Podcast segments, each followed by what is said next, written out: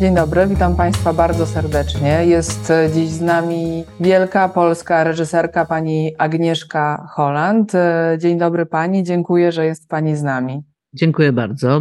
Dzień dobry. Niedawno z prawdziwym przytupem wkroczyła Pani w samo centrum polskiej polityki, polskiej debaty publicznej, ale też polskiej kampanii wyborczej za sprawą filmu Zielona Granica. Mam pytanie, dlaczego kręci Pani takie filmy? Chodzi o edukację, o wzbudzenie moralnego niepokoju, czy także o zmianę? No ja myślę, że o to wszystko, co pani mówi, ale przede wszystkim o komunikowanie, jakby twórczość filmowa jest rodzajem komunikacji. Opowiada się historię, ale również komunikuje się swoje emocje, przemyślenia.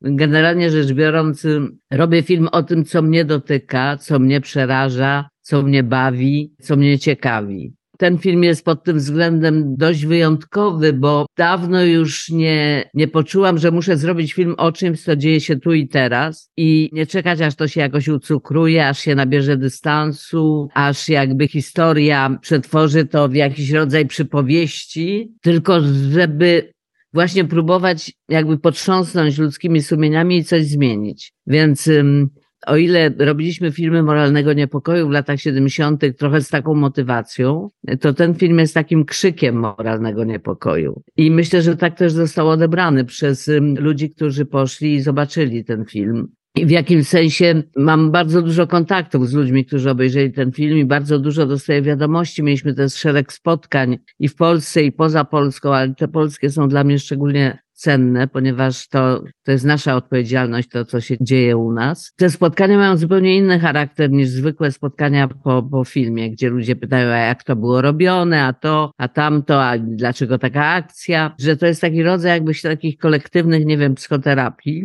i powstaje taki rodzaj wspólnoty jakby, wspólnoty tych ludzi, którzy przeżyli ten film. I to jest bardzo ciekawe. Oczywiście ja nie jestem naiwna i nie sądzę, że dzięki filmowi się rozwiąże problem migracji, który jest globalnym problemem paneuropejskim na pewno w tej chwili bardzo mocno i nie ma, nie ma łatwych na to odpowiedzi i rozwiązań, ale moje poczucie jest takie, że jeżeli nie zaczniemy poważnie o tym rozmawiać i przede wszystkim współodczuwać, rozumieć powody, dla których to się dzieje, rozumieć ludzi, którzy podejmują się tak wielkiego ryzyka, zobaczyć w nich ludzi właśnie, Kolejnym krokiem w tym, co ja opisuję, co się dzieje na granicy polsko-białoruskiej, również polsko-litewskiej, kolejnym krokiem będzie polityczna zgoda na całkowitą przemoc. I tego się boję najbardziej. I wydaje mi się, że musimy mieć świadomość, że to nam grozi, jeżeli nie podejdziemy do tego w jakiś innowacyjny sposób, jeżeli nie zrobimy tego wspólnie, bo problem jest globalny. Ja oczywiście też e, widziałam Pani najnowszy film e, Zieloną Granicę i podobnie jak e, nieznajome sąsiadki z foteli obok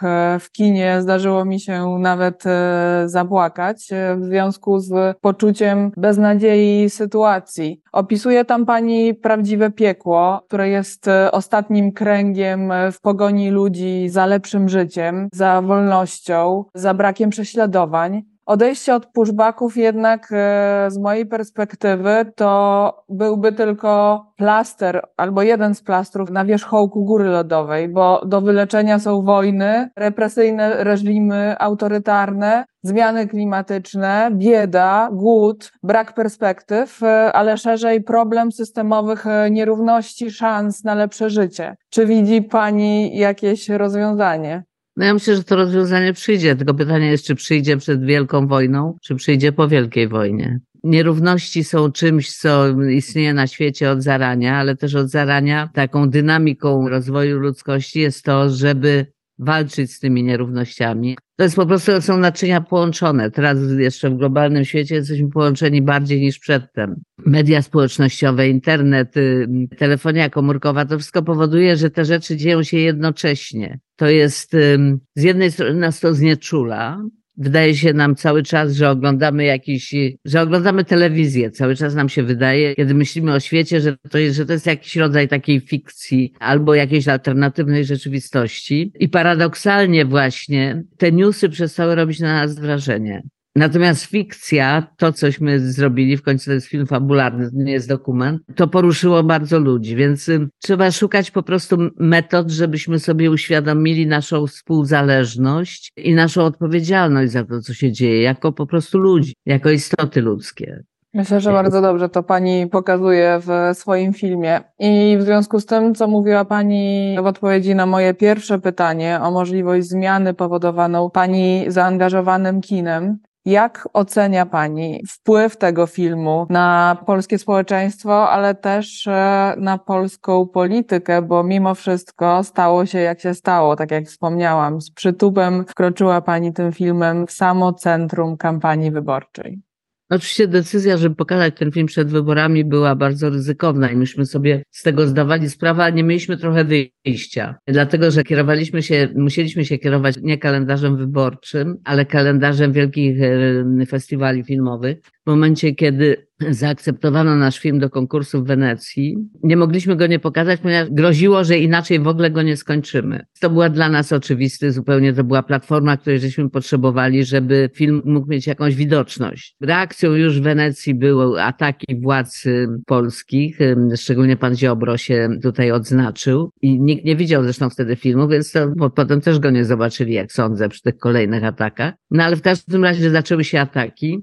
I po prostu wydawało mi się, że jest niemożliwe, żeby zostawić przestrzeń tylko tej jednej nienawistnej narracji i nie dać Polakom, moim współobywatelom, dla których w dużym stopniu ten film robiliśmy, nie dać im możliwości skonfrontowania tego, co oni bajdużą, no z filmem po prostu, rzeczywistością. A druga rzecz, wydawało mi się, że ponieważ te władze pisowskie uważały, że zbudują kolejny kapitał wyborczy na problemie migracji i na właśnie nakręcaniu nienawiści i strachu, a opozycja, lękając się, że cokolwiek powie innego trochę, jak jeżeli troszeczkę zmieni narrację, to zostanie zaatakowana i po prostu przegra, odbierze sobie jakieś te małe szanse, które miała na wygraną. W związku z tym właściwie opozycja mówiła to samo, jeśli albo w ogóle nic nie mówiła, albo mówiła to samo, tyle że no takim lepszym językiem, szlachetniejszym językiem i głównie punktując hipokryzję władz. Natomiast i to było wszystko. To znaczy, była poza tym była pustka zupełna i wydawało mi się, że ludzie, i to czułam bardzo wyraźnie przed tymi wyborami, jak rozmawiałam z młodymi ludźmi, czy jak rozmawiałam, no jak rozmawiałam z ludźmi po prostu, którzy nie byli kompletnie wkręceni w taką politykę realną, to czułam, że jest straszny głód wartości, że jest straszny głód czegoś, Zresztą to się zobaczyło w Polsce przy tym, jak wielkie było pospolite ruszenie, by pomagać ukraińskim uchodźcom na początku wojny. I to nie było takie, że sobie pojadę na granicę i strzelę fotkę i dam na Instagram, ale to było autentyczne zaangażowanie, często bardzo kosztowne i w sensie sił i środków i cierpliwości bo braliśmy przecież do domu obcych ludzi i to różnie zawsze może przebiegać. No w każdym razie, że ta potrzeba jakiegoś takiego dobra i zobaczenia i człowieczeństwa była po tej długim okresie takiego w gruncie rzeczy ideologicznego młotkowania i, i głębokiego cynizmu polskiej polityki, była potrzeba jakichś takich prostych wartości i, i w jakimś sensie nasz film na to odpowiedział.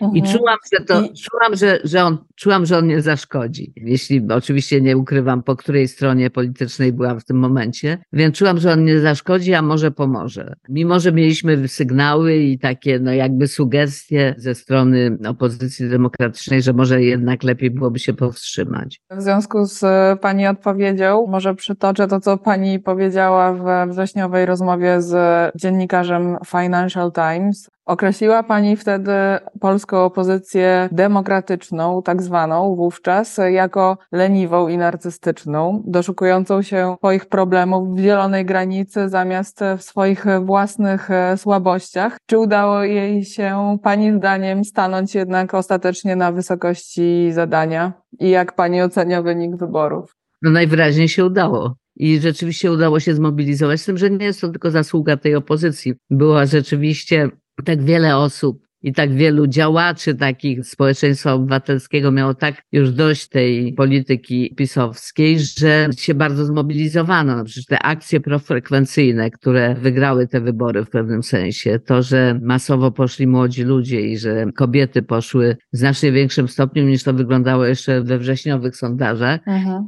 to jest zasługa no, ogromnej roboty. Z jednej strony Donalda Tuska i innych polityków, ale z drugiej strony właśnie tych anonimowych y, działaczy, którzy to wszystko nakręcali. Także trudno jest zmierzyć to po prostu ziarnko do ziarnka i przebrała się miarka i, i zebrała się dostateczna pula. Masa krytyczna. Mhm.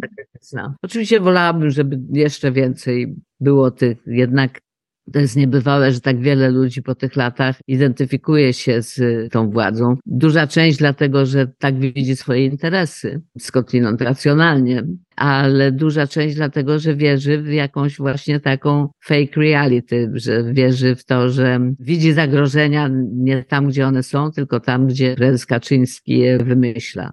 No więc wolałabym, żeby ta wygrana była większa, żeby nie czekały nas raz dwuletnie, nieustanne przepychanki z prezydentem, który będzie udowadniał, że to on jest tutaj największym rozgrywającym. Wolałabym, żeby proporcje tej właśnie nowej, nowej władzy, a dotychczasowej opozycji wyborczej ułożyły się trochę inaczej, żeby ta progresywna strona miała więcej głosów i mogła przeprowadzić chociażby obiecaną liberalizację prawa do przerywania ciąży. Jeszcze pozwolę sobie przytoczyć e, jedną z rozmów, którą z kolei odbyła Pani z, na temat.pl. Zapytana o co teraz dzieje się z demokracją liberalną, odpowiedziała Pani, że w Polsce już jej nie ma. Jak odpowiedziałaby Pani na to pytanie dziś? Wiele osób takich symetrystycznych y, mówiło, no coście mówili, że dyktatura, że nie ma demokracji, skoro były wybory i przegrali wybory. To prawda, że takim już ostatecznym momentem, od którego zaczyna się dyktatura i państwo autorytarne albo totalitarne, jest kiedy opozycja jest czysto fasadowa i nie jest w stanie wygrać wyborów, nie może wygrać wyborów. Myśmy byli na granicy tego. Wygranie tych wyborów jest właściwie graniczy z cudem. Tak wiele było przeciwko, tak wiele było utrudnień, tak wiele było kłód rzucanych, prawnych, nieprawnych, finansowych, medialnych pod nogi, że to wydawało się prawie niemożliwe. No ale jednak się udało, mimo to i najwyraźniej dotychczasowe władze zaakceptowały, chociaż z ociąganiem niechętnie i klucząc wynik tych wyborów. No i mam nadzieję, że nic się nie stanie innego i że za miesiąc zostanie zaprzysiężony rząd koalicji, która te wybory wygrała. I wtedy zacznie się bardzo żmudna praca, żeby te bezpieczniki, które władza zamontowała i które są antydemokratyczne i które są niekonstytucyjne, dotyczące przede wszystkim praworządności, ale nie tylko, właściwie to jest niemal w wszystkich instytucjach, i betonowanie pewnych układów i betonowanie przejęcia przez nich, wrogie przejęcie wielu instytucji kultury na przykład nastąpiło. I teraz bardzo szybko minister kultury stara się to betonować. Jak to zmienić? Ile to będzie trwało? Czy niemożliwość spełnienia pewnych obietnic wyborczych nie zdemobilizuje i nie sfrustruje dużej rzeszy wyborców, którzy, czy wyborczyń przede wszystkim, którzy na to liczyli? No to będzie bardzo trudna i żmudna trudna praca. Na dokładkę ta koalicja jednak składa się z bardzo różnych podmiotów. Mają wiele wspólnych spraw do załatwienia, ale mają też wielkie różnice. No więc to będzie ciekawy okres na pewno, wymagający wielkiej cierpliwości i przebiegłości i uczciwości jednocześnie i nowych narzędzi komunikacji ze społeczeństwem. No jestem bardzo ciekawa, jak oni sobie poradzą z tym. W każdym razie, ja jeżeli, jeżeli będę mogła pomóc, jakoś to chętnie pomogę, ale jednocześnie będę krytycznie patrzeć na, no będę krytycznie patrzeć na to, co robią. A widzi Pani jakiś e, inny, współczesny, ważny temat, który chciałaby Pani opisać e, w kolejnym filmie? Pani, niestety współczesność nas teraz zalewa tematami. To, to są tematy bardzo trudne, bo rzeczywiście jesteśmy, żyjemy na wulkanie. Ten polski szczęśliwy koniec wyborczy jest jakimś takim promykiem na mapie świata. I byłam w Parlamencie Europejskim, pokazywaliśmy zieloną granicę tydzień temu. I no wszyscy właściwie mówili o tym, jak pod sudzie. Byli tak szczęśliwi, większość tych osób, które spotkaliśmy tam. I nikt w to nie wierzył tak naprawdę. Po doświadczeniach węgierskich, tureckich, słowackich ostatnio się wydawało, że już ten walec takiego populistycznego, takiego, no nie wiem jak to nazwać, no, antyeuropeizmu, że on się toczy.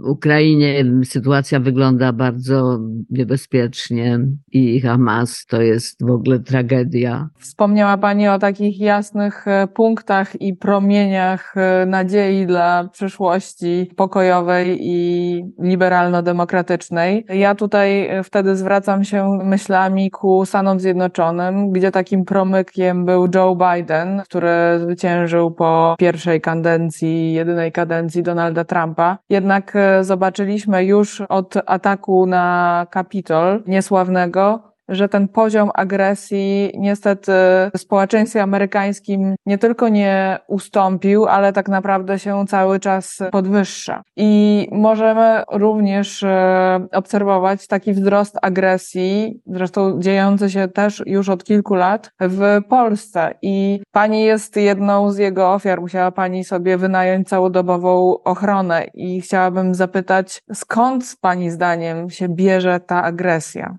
Mnie się zdaje, że ta agresja się bierze z mm, wyzwań współczesności, które są potwornie trudne do rozwiązania, jeśli w ogóle. Ponieważ na te wyzwania można odpowiadać podobnie jak na problem migracji czy katastrofy klimatycznej, tylko globalnie i we współpracy i w bardzo żmudny sposób i ponosząc różne ofiary. W związku z tym ludzie boją się tego, czują niepewność, czują się oszukani. Jak gdyby już od dawna narracja jest taka, że właściwie jesteśmy w takim nieustannym postępie dobrobytu. Tymczasem okazuje się, że nie. Na dokładkę trzeba do tego dobrobytu dopuszczać kolejne osoby. Wydawało się, że osiągnęliśmy już jakiś taki ideał praw, po czym okazuje się, że trzeba dzielić tymi prawami z kolejnymi istotami. Ludzie nie są na to gotowi, nie wiedzą, co z tym zrobić. Rewolucja internetowa wstrząsnęła wszystkim i jest to trochę rewolucja, którą ja bym porównywała albo do wynalezienia druku, albo do wielkiej rewolucji przemysłowej. Po każdej nastąpiły długoletnie wojny i agresje. Zanim świat się przyzwyczai do zmian, a te zmiany następują teraz jednocześnie, myślę i o obyczajowych zmianach, i o gospodarczych, i o komunikacyjnych, klimatycznych, migracyjnych, to wszystko razem się kłębi i politycy nie mają na to odpowiedzi, a w każdym razie demokracja liberalna zawodzi tutaj, ponieważ ma strasznie krótką perspektywę. Można powiedzieć, że politycy już od dawna funkcjonują od wyborów do wyborów i taka jest ich perspektywa, ale w tej chwili nawet ona się skróciła, bo jak patrzę na to, jak funkcjonują politycy, to oni funkcjonują od jednego sondażu do drugiego. Tego typu polityka nie jest w stanie w ogóle być skuteczna. I przychodzą populiści i mówią, my mamy proste odpowiedzi na te nieproste pytania. My wam urządzimy wspaniały świat, tylko musimy zamknąć się w naszej bańce, w naszym narodzie, w naszym czymś. Tak jak Trump mówił Make America Great Again, jak Kaczyński wyłączając połowę Polski mówi właśnie o suwerenie, który tutaj musimy bronić, bo mogą, atakują nas ze wschodu, z zachodu, z Brukseli, z Moskwy i tak dalej. I to wielu ludziom odpowiada, daje im to poczucie zaopiekowania i bezpieczeństwa bezpieczeństwa. Ale z drugiej strony oczywiście to jest fałszywa odpowiedź. Zupełnie to jest, ona nie załatwia żadnego z tych problemów, przed którymi rzekomo broni ludzi i rośnie frustracja i agresja i to jest globalne, to jest wszędzie. I w pewnym momencie ludzie się zaczynają bać, naprawdę się boją, boją się przyszłości. W Europie to widzimy bardzo wyraźnie. Europa nie wierzy w przyszłość w ogóle. Z jednej strony nie chce wpuszczać do siebie migrantów, a z drugiej strony nie chce się rozmnażać. Demografia jest w tragicznym stanie. Patrzmy na Polskę. Wszystkie te kościoły, nie kościoły, zakazy aborcji i tak dalej. I mamy najgorszą demografię obok Włoch w całej Europie. W całej Europie jest fatalna. Znaczy nasz A... kontynent się zbija. Ale to jest tego, że po prostu nie wierzymy w przyszłość. Kobiety nie chcą mieć dzieci. Wszystkie młode dziewczyny, z którymi rozmawiam, jednak chcę mówi o dwójce dzieci, a inne mówią, nie, dzie, dziecko, nie, po co, może kiedyś, albo się nie chce. Chciałabym na koniec zapytać czy widzi Pani w Europie, wspólnej Europie, możliwość odpowiedzi na te współczesne wyzwania? Wspomina Pani, że teraz e, Europa nie daje rady stanąć na wysokości zadania, ale czy upatruje Pani takiej szansy w przyszłości i jak byłoby to możliwe? Ja myślę, że młode pokolenie jest ciekawe. Myślę, że to najmłodsze pokolenie, mogę widzieć, mówić o Polsce, bo to najbliżej obserwowałam, ale również we Francji to najmłodsze pokolenie jest inne niż te poprzednie, znaczy jest znacznie mniej konsumpcyjne, ma większą świadomość tych zagrożeń, jest bardziej równościowe, jest antyprzemocowe. Mówię tak w jakiejś masie oczywiście. Tak jak te 10 lat temu te młode pokolenia były zdecydowanie prawicowe i ksenofobiczne, to teraz paradoksalnie w Polsce wychowane w tym, a może na zasadzie takiej reakcji na tę pisowską rzeczywistość, ono jest zupełnie inne. Jeżeli młode pokolenie nie przejmie władzy, póki jeszcze ma jakąś szansę na to, dlatego że w związku z demografią mają jej coraz mniej. I też paradoks i agresja polega na tym, że nie tylko na braku sprawczości polityki demokratycznej, ale również y, na tym, że ci młodzi nie są sprawczy, ponieważ y, zawsze przegłosują ich ci starzy. Także starzy, a właściwie najbardziej starzy, emeryci, urządzają świat młodym ludziom. Urządzają im przyszłość, właściwie zabierają im przyszłość. To jest tragiczne, także no nie wiem, nie wiem co będzie. Nie wygląda to łatwo, nie ma łatwych odpowiedzi. Także cieszmy się na razie i próbujmy zrobić porządek w naszym ogródku, jeżeli mamy taką szansę. I może to mm, tak jak taka zła moc tego polskiego populizmu zapromieniowała negatywnie na całą Unię Europejską, może ta dobra moc zapromieniuje znowu. Może mamy jakąś, jakąś siłę sprawczą jednak. Miejmy taką nadzieję i wykorzystujmy nasze szanse. Pani Agnieszko, bardzo, bardzo Pani dziękuję, że była Pani z nami. Dziękuję serdecznie.